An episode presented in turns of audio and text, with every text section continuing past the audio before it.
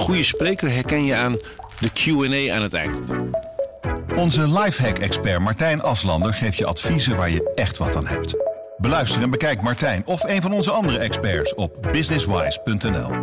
Businesswise, het nieuwe platform voor iedereen met ambitie.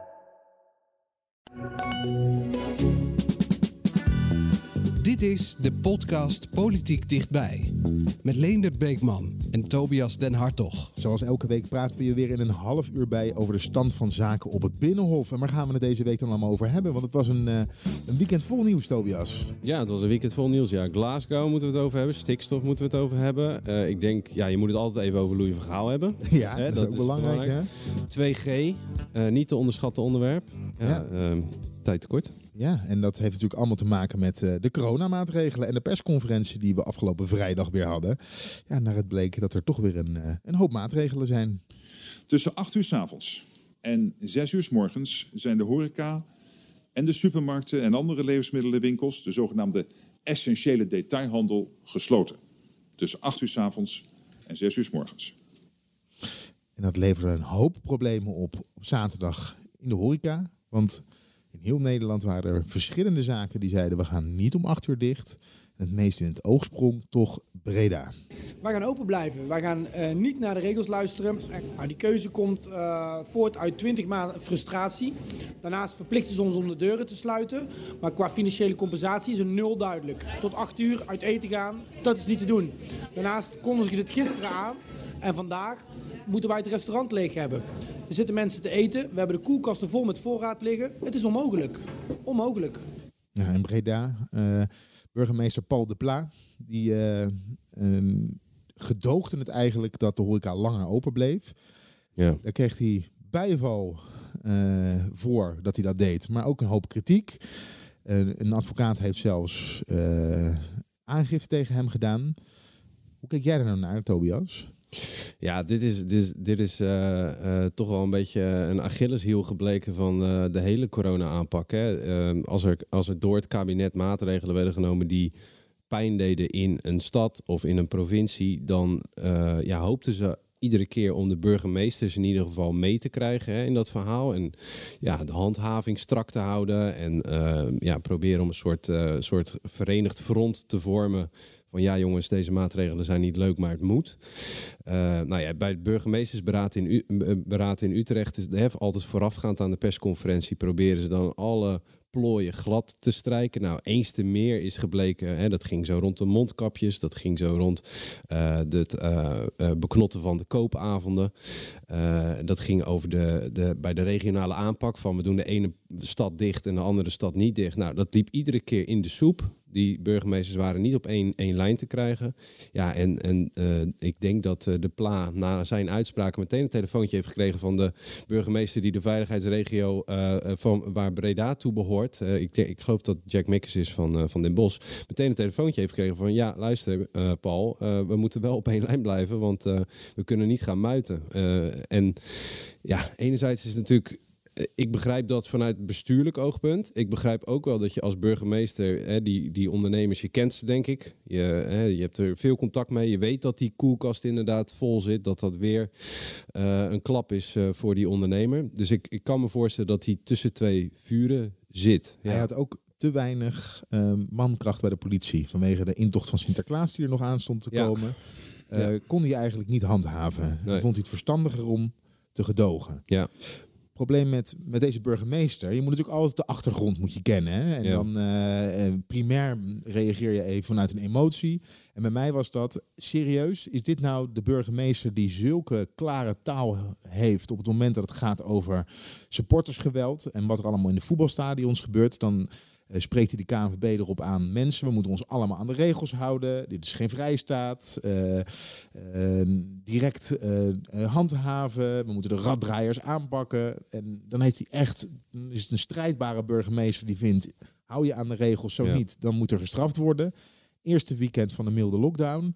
En hij is de eerste burgemeester die zegt, nou die negen uur, of, of de acht uur kunnen we ook even negen uur van maken. We gedogen dit nog eventjes. Ja. Dat was mijn eerste primaire reactie. Dan hoor je daarna natuurlijk ook, ja, er was te weinig mankracht bij de politie. Dit is verstandiger, want op het moment dat het tot een conflict gaat leiden en je hebt niet genoeg agenten, dan heb je nog een veel groter probleem. Dat snap ik allemaal. En toch dacht ik dat eerst. Ja, en ik, ik denk dat je niet alleen staat. Ik denk dat er iemand in Amsterdam, eh, namelijk Vert Grappenhaus, minister van, eh, van Justitie, die, eh, die verantwoordelijk is voor die, voor die handhaving, dat hij precies hetzelfde dacht. Dit is eh, binnen dat burgemeestersberaad hè, is, is natuurlijk ook eh, vaak discussie over moeten we handhaven, moeten we dat niet handhaven. En dan heb je burgemeesters die enerzijds wel eens een grote broek aantrekken en nu ineens terugdeinzen. Ja, dat wekt ook daar irritatie. Ik kan je vertellen dat achter de, achter de schermen eh, wordt daar ook wel ja, soms wat minder vlijend over elkaar gesproken. Hè. Binnen, binnen dat burgemeestersberaad heb je bijvoorbeeld Pieter Broertjes van Hilversum. Die is eigenlijk in al die beraden altijd tegen heel veel eh, maatregelen. En die noemen ze daar gekscherend een wappie. Ja. Ja, nee, ja, maar zo, zo wordt dus ook over elkaar eh, gesproken. En eh, als het bijvoorbeeld aankomt op de grote steden, waar nu de brandhaarden zijn wat corona betreft, dan heb je het over Den Haag. Nou, daar wordt gezegd, Jan van Zanen van Den Haag, die handhaaft niet. Van Amsterdam, Femke Halsema, ja, die heeft de eigen republiek. Die doet de ene keer wel en de andere keer niet. En dan heb je Ahmed Abu Taleb in Rotterdam, waarvan wordt gezegd, ja, soms gaat hij strenger en harder dan het kabinet wil. En soms blijft hij eh, heel ver achter. Dus dat zijn, eh, ja, ze zijn afhankelijk van elkaar. En ehm, het, het straalt naar buiten toe dus geen front uit. En dat is, ja, dat is lastig. Dat is toch een, een eh, wat ik zeg, een Achilleshiel van, die, van, die an- van die handhaving. Nu zijn er heel veel maatregelen genomen, hè, waaronder dus sluiten van de horeca. Eh, maar dat is niet het enige. Eh, de sauna's gaan eerder dicht. Eh, het advies is gegeven om met niet meer dan vier mensen thuis te komen, Ja. thuiswerken, nou, noem het allemaal maar op. Nou lijkt het net, op het moment dat je rellen ziet bij de horeca, dat heel Nederland zich aan het verzetten is tegen de nieuwe coronamaatregelen. En dat schijnt allemaal wel mee te vallen. Eén vandaag heeft een onderzoek gedaan en zo'n twee derde van Nederland staat achter de nieuwe maatregelen. Aan de andere kant is er wel heel veel kritiek op het beleid van het kabinet. Ja, Dat lijkt toch een soort rare ja. contradictie lijkt dat te zijn. Eh, we, hebben, geen vertrouwen meer in het beleid, maar we staan wel achter de maatregelen. Hoe, hoe werkt dat? Ja, nou ja, hoe werkt dat? Daar zitten dus knappe koppen van het RIVM ook op te, op te studeren. Hè? Want je hebt die, die onderzoeken, eh, de, de compliance onderzoeken, wil, willen mensen nog wel meedoen, staan ze erachter. Eh die onderzoeken, dat, dat, dat wordt ook te uit en te na besproken bij de overleggen rond corona. Misschien, om, misschien wel leuk om eens eventjes uit de doek te doen hoe dat dan gaat. Hè? Want we hebben die persconferentie, maar er zit dus een heel treintje van overleg voor. Hè? Normaal, we kennen die beelden van het katshuis. Nou ja, dat is eigenlijk normaal gesproken het moment waarop eh, eh, Jaap van Dissel schuift dan aan. En eigenlijk is dan de vraag, Jaap, leg eens uit, waar staan we?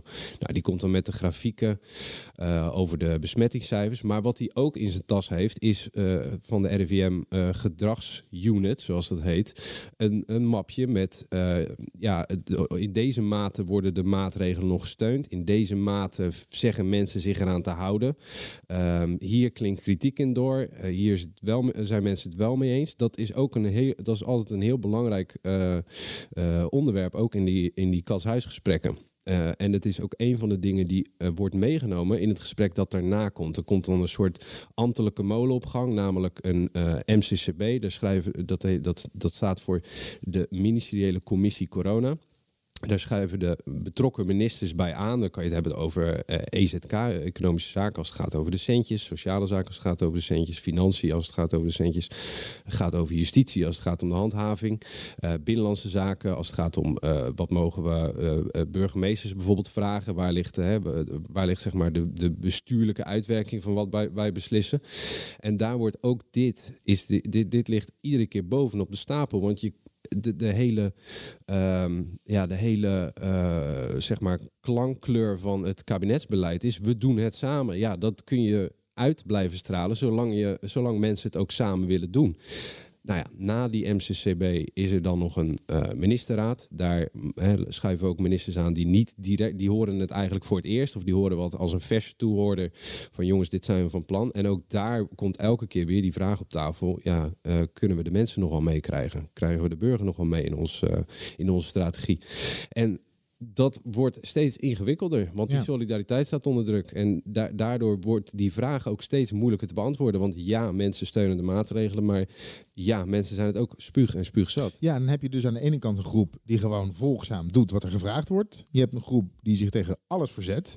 Maar volgens mij zit daartussenin een Ja. hele grote groep die denkt, dat zal allemaal wel. Ja. Eh, wat mij wel goed uitkomt, eh, daar hou ik me wel aan. Ja. En als iets me minder goed uitkomt, bijvoorbeeld het bezoek hè, de, de vier mensen, dat toch aangeraden wordt. Ja. Hoe noemden ze dat ook alweer? Streng geadviseerd om niet meer dan vier mensen Ja. thuis op bezoek te hebben. Ja, laat maar hangen. Dat je dat. En die, die groep in het midden, die is het grootst, lijkt Ja. mij. En die groep in het midden is natuurlijk ook, ik, eh, ik wil het niet filosofisch maken, maar de, de, de mens is consequent, inso- inconsequent natuurlijk. Zullen we dan zichzelf. toch naar Louis van Gaal toe gaan? Want Ja. dit is zo mooi om nu naar Louis van Gaal te Nou, gaan. kom nu maar met Ja. ja. Geef ons het antwoord. Dat corona veel belangrijker is als voetbal, dat begrijp ik wel. Maar het is niet logisch nadenken. Als je dat eerst verplicht en het gaat heel goed, het is bevestigd, wetenschappelijk bevestigd. Dit gaat ja, over dan snap supporters ik, eh, in het deze stadion. maatregel niet. De Portugees is volgzaam. En eh, die gaat echt niet eh, discussiëren of hij een kapje op moet zetten of niet. En dat is het grote verschil. De regels worden gewoon opgevolgd en er wordt ook gehandhaafd. Ja, het is een heel ander volk als het Nederlandse volk die altijd denkt het beter te weten. Nou, ik, eh, ik eh, denk het ook eh, veel beter te weten, maar dan heb ik er verstand van.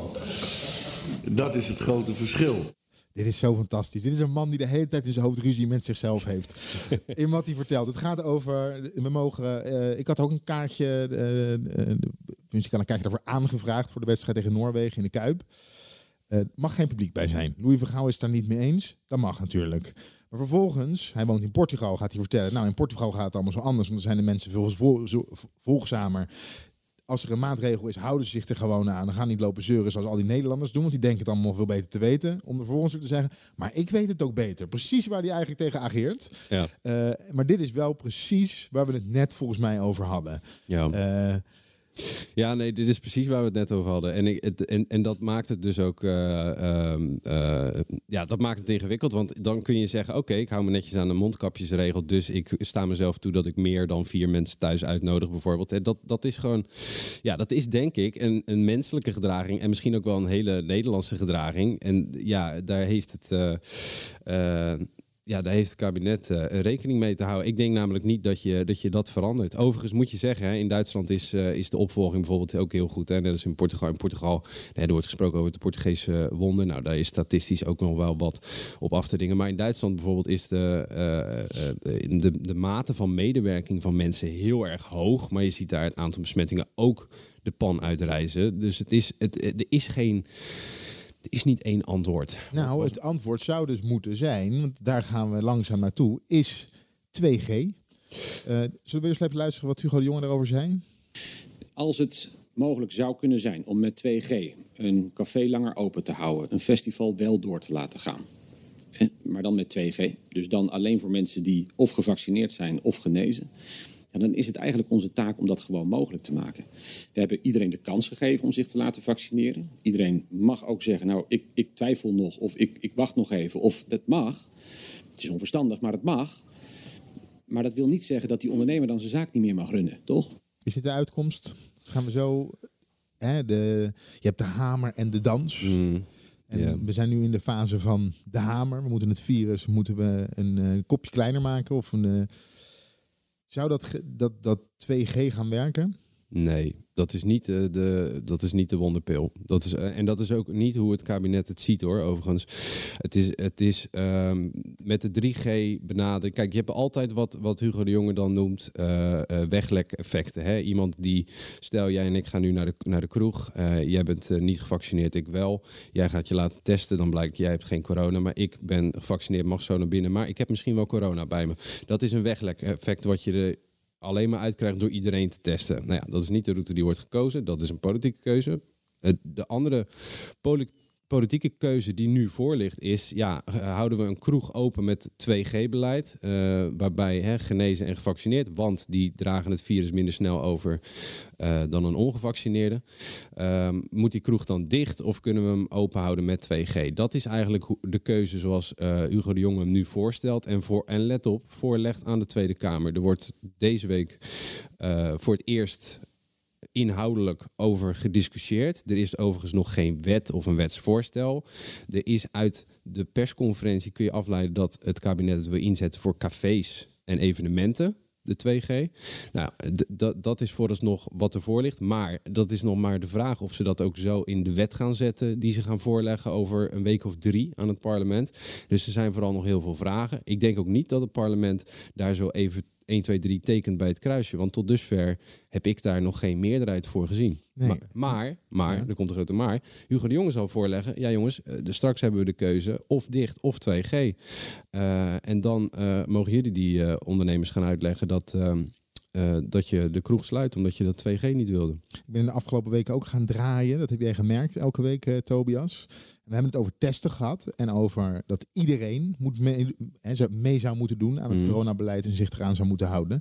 Je zegt van, we hebben niet gekozen voor dat testen. Maar toch krijgen we, in elke persconferentie, bij klachten Ja, testen. ja. En dat gebeurt veel te weinig. Dus er zijn gevaccineerde mensen die zich Mhm. niet testen, wel naar een kroeg gaan en vervolgens elkaar, en zeker de ongevaccineerden, eh, vrij makkelijk kunnen besmetten. Ja. Dus je zou eigenlijk nu en, de, het, het toeschrijven van schuld, als je het dan zo mag noemen, dat gebeurt maar voor mijn gevoel wel met 2G. Die zegt Mhm. toch eigenlijk, we gaan nu eventjes de mensen die niet gevaccineerd zijn straffen. Mhm. Terwijl je in mijn ogen, je het over testen hebt en over zelftesten en over thuisblijven met Ja. klachten, zou je misschien nu beter de gevaccineerden even kunnen, of moeten vertellen. eh, houdt, u, houdt u zich aan de voorschriften? Ja, ja.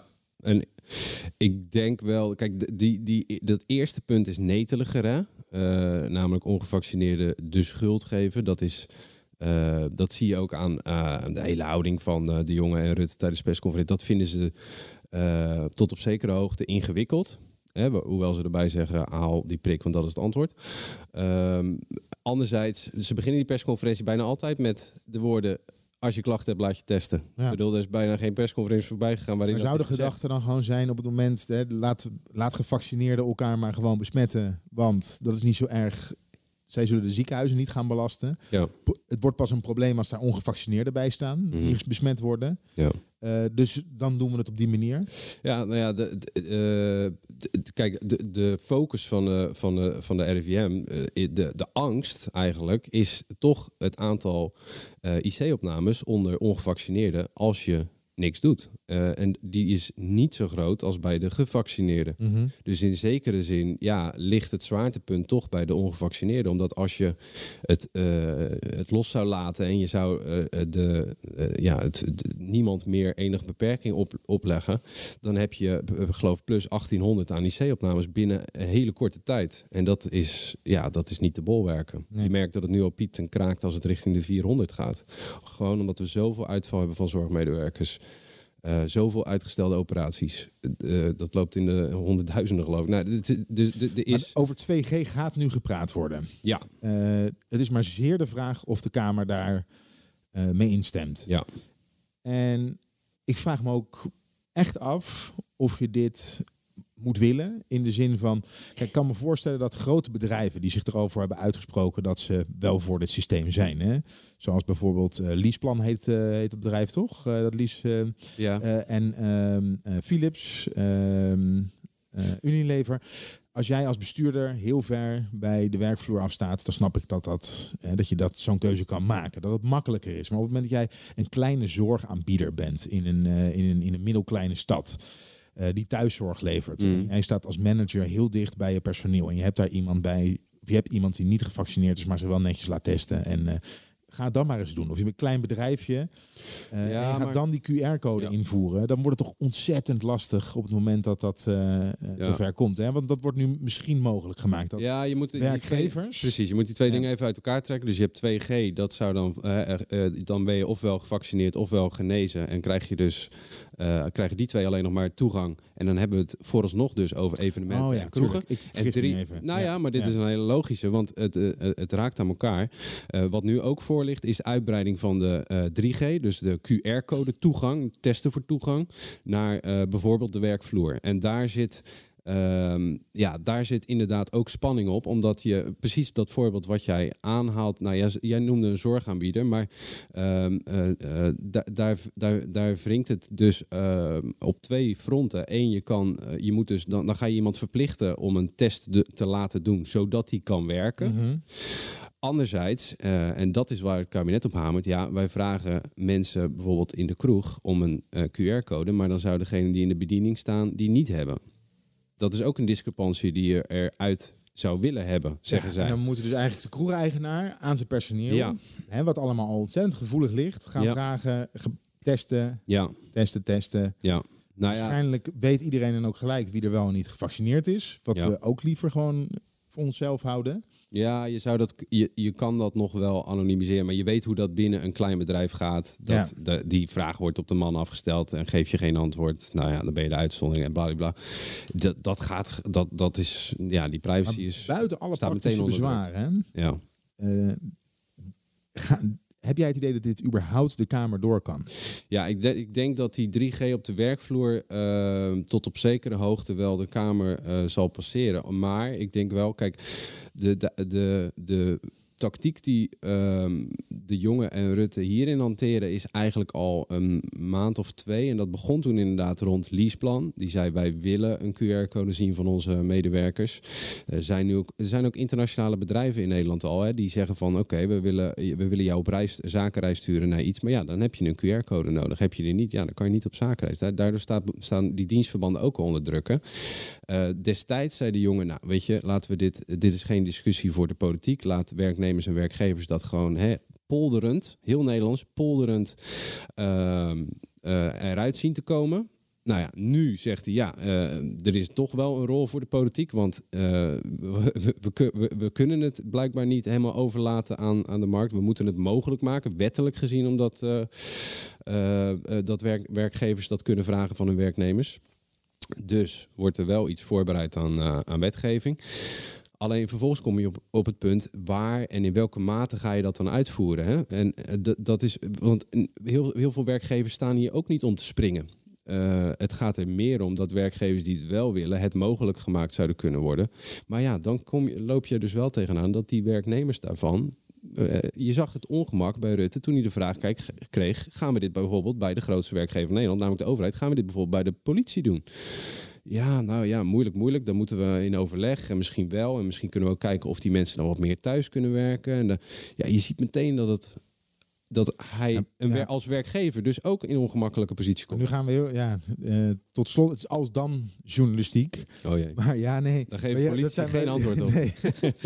maar als je, de, als je dit middel zo meteen hebt als bedrijf. Ja. Eh, en je zegt, nou, we doen het niet. Hè, want dit levert te veel problemen op. En we willen toch dat mensen hè, als ze zich laten testen. En we vertrouwen op eh, eigen verantwoordelijkheid. Voor, Ja. hè, nou, dat de eh, mensen die, andere werknemers die gevaccineerd zijn, dit wel gaan eisen. Zo van, nou, je zegt wel, ik wil dit niet. Maar dit kan nu. Wij willen dit. Ja. En dan kan je. En dus die tweedeling. Nou, het lijkt mij, het Mhm. lijkt mij zo ingewikkeld allemaal worden. Maar we gaan het zien zometeen of dit überhaupt door de Kamer komt. En in Ja. hoeverre dit plan wordt, eh, wordt doorgevoerd. Nou, dit zijn denk ik ook precies die vragen waar de eh, partijen die er een beetje, hè, die een sleutelpositie hebben, ehm, denk bijvoorbeeld aan de ChristenUnie, ehm, die, die, dit zijn precies die vraagstukken waar zij ook mee worstelen. Ja. Alright. Dit was ons Blij- corona weekend. Blij dat denk we, hè? wij het niet hoeven te wij gewoon lekker over kunnen kletsen en dan elke week weer iets anders kunnen vinden. Eh, Tobias, er was een klimaattop in Glasgow. Glasgow, ja. Ja, ja. en eh, de oproep was minder bla bla Ja, en meer eh, actie. meer actie. Ja. Mm, wat is uiteindelijk het resultaat? Is het een beetje, ja, het, eh, onze, onze correspondent Hans Nijhuis, hè, Ja. die is eh, onze klimaatwatcher nu, die sprak van een beetje actie en een beetje bla bla. Nou ja, in die zin, kijk, dit is de, de- de- het, het interessante aan Glasgow is dat er ook nog een formatie. eh, het interessante is sowieso voor de wereld. Is Glasgow natuurlijk heel interessant. En ook voor ons land voor de komende jaren zijn dit natuurlijk de, de, de, de wereldwijde koers die wordt uitgezet. Je, eh, ook Nederland conformeert zich eraan. Het interessante is tegelijk dat er hier nu een formatie gaande is. Hè. Dus je weet dat eh, partij, een partij als eh, D66 ehm, ja, alles. Hoop belang daaraan hecht. Ja, heel veel belang aan echt wat daar uitkomt.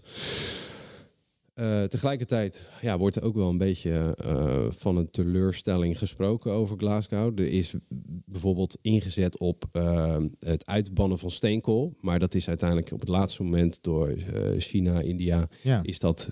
Ja, Met het argument, jullie hebben de afgelopen eeuwen zoveel verdiend aan fossiele Ja. brandstoffen. Wij zijn pas net begonnen. ja.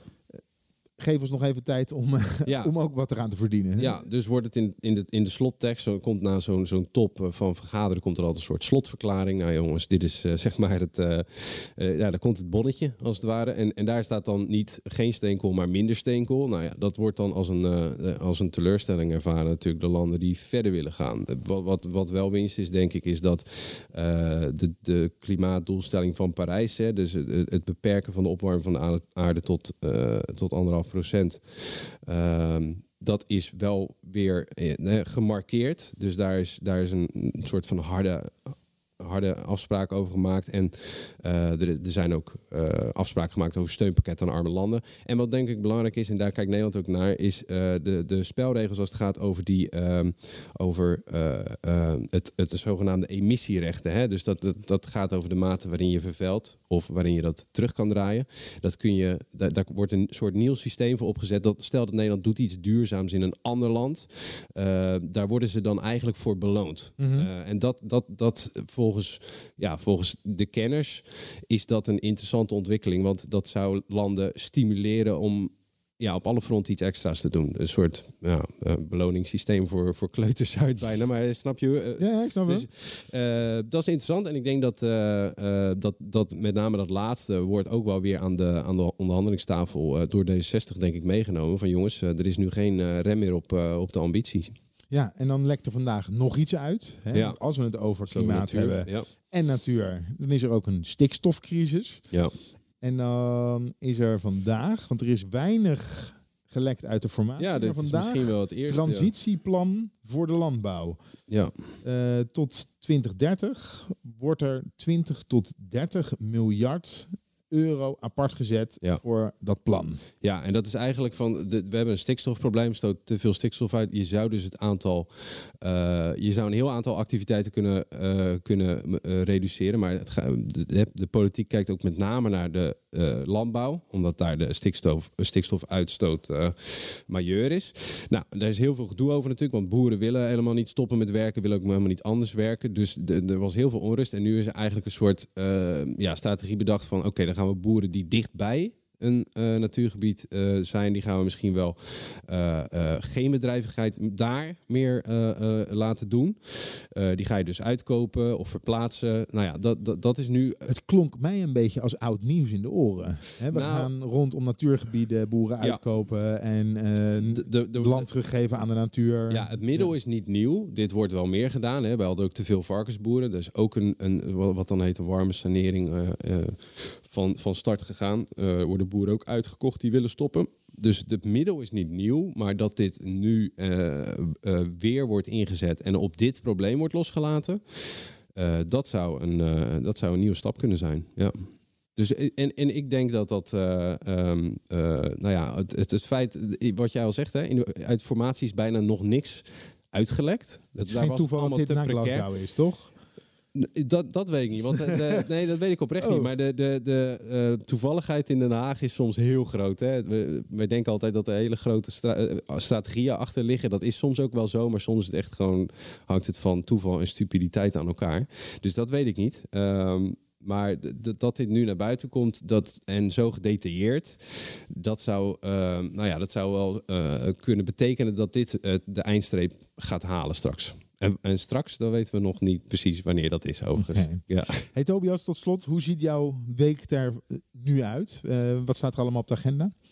Eh, nou, op, de, op de agenda is sowieso dat, eh dat coronadebat. Ik denk dat dat de belangrijkste, ehm, ja, het belangrijkste van deze, deze week is. Daarna gaat eh, de, de formatie eh, verder. Hè. Die gaan eh, weer op, op de hei. Ehm, hopen, hopend dat ze snel ver komen. Maar ja, alle ogen zijn toch vo- vooral op het coronadebat gericht. En tot dusver was het coronadebat heel vaak ook niet zo heel spannend. Hè? Want iedereen was het er wel over eens dat die maatregelen eh, moesten. En er ging een uurtje af en een uurtje bij over de avondklok enzovoort. Maar e- echt, het, het wrong nog niet zozeer. eh, maar nu wel. Ja, nu is het echt, eh, het is een principiële discussie geworden.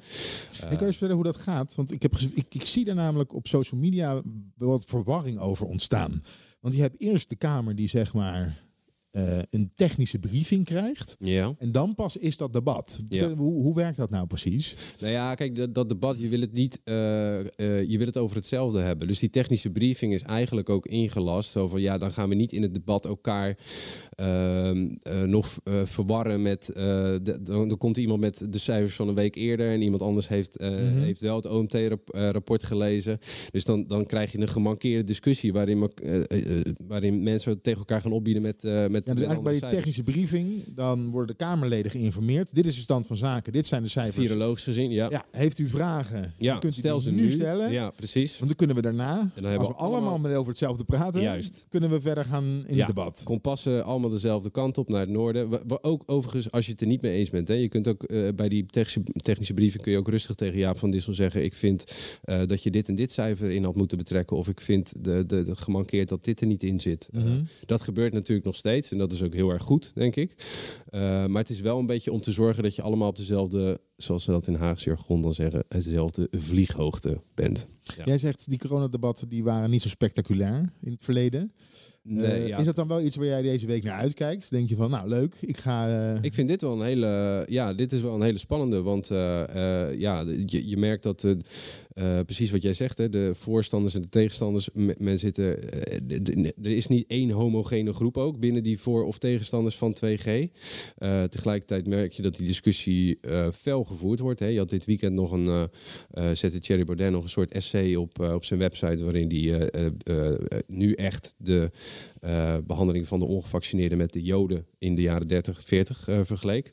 Ehm, dus dat zet de boel natuurlijk politiek gezien op scherp. En dat is ook wel, ehm, ja, dat draagt zekere spanning in zich. Maar het is, het is ook een hele, ja, wat jij zegt, een hele fundamentele vraag. Kun je dat vragen van een werkgever en kun je dat ook van een werkgever eisen als die dat niet wil? Ja, dat zijn hele, volgens mij politiek gezien, hele sp- spannende vragen. Ja, wat ik ook leuk vind om te merken, is dat omdat er ook een hoop eh, onduidelijk is eh, bij mensen, dat ik in ieder geval het gevoel krijg in mijn omgeving dat er steeds meer eh, gekeken wordt naar die kamerdebatten. En dan niet naar een fragment, Ja. dus niet naar de, de, de filmpjes, Ja. maar hele delen of zelfs het hele Ja. debat. En dat kan echt uren zijn. Ik Ja. kwam laatst bij een, bij een vriend op visite en die, had, die keek het debat terug. Die was in uur drie of zo. eh.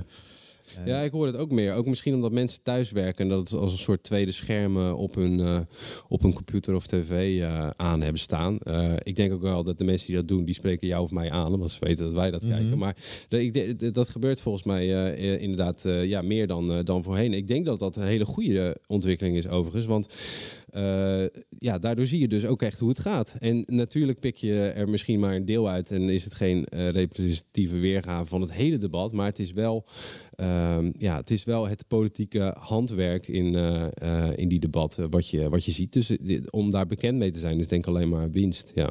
Ja. Alright. Ja. Dat was hem voor deze week, Tobias. Yes. En we volgende week weer terug. Zou Louis van Gaal dan weer een, ja, nou, heeft Nederland zich dan gekwalificeerd Ja, voor het WK? precies. Dat is een belangrijkere Anders willen we. Van Gaal nooit meer horen. Nee, Ja. nou, nou, ja, ik denk het wel. ik denk dat we naar Qatar gaan. Ja? Hè? ja en dan gaan we daar onze klimaatdoelen waarschijnlijk weer te niet doen. Maar goed, tot zover deze podcast. Eh, vind je dit een leuke podcast? Abonneer je dan. Dat kan via Apple Podcast en natuurlijk via Spotify. Tot volgende week.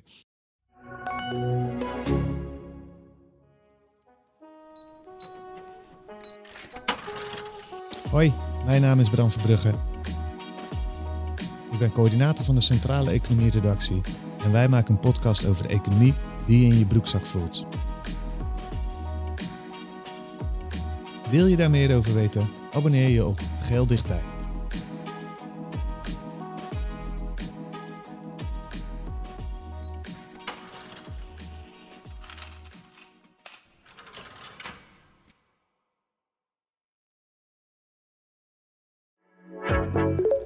Goede spreker herken je aan de Q&A aan het eind. Onze lifehack-expert Martijn Aslander geeft je adviezen waar je echt wat aan hebt. Beluister en bekijk Martijn of een van onze andere experts op businesswise.nl. Businesswise, het nieuwe platform voor iedereen met ambitie.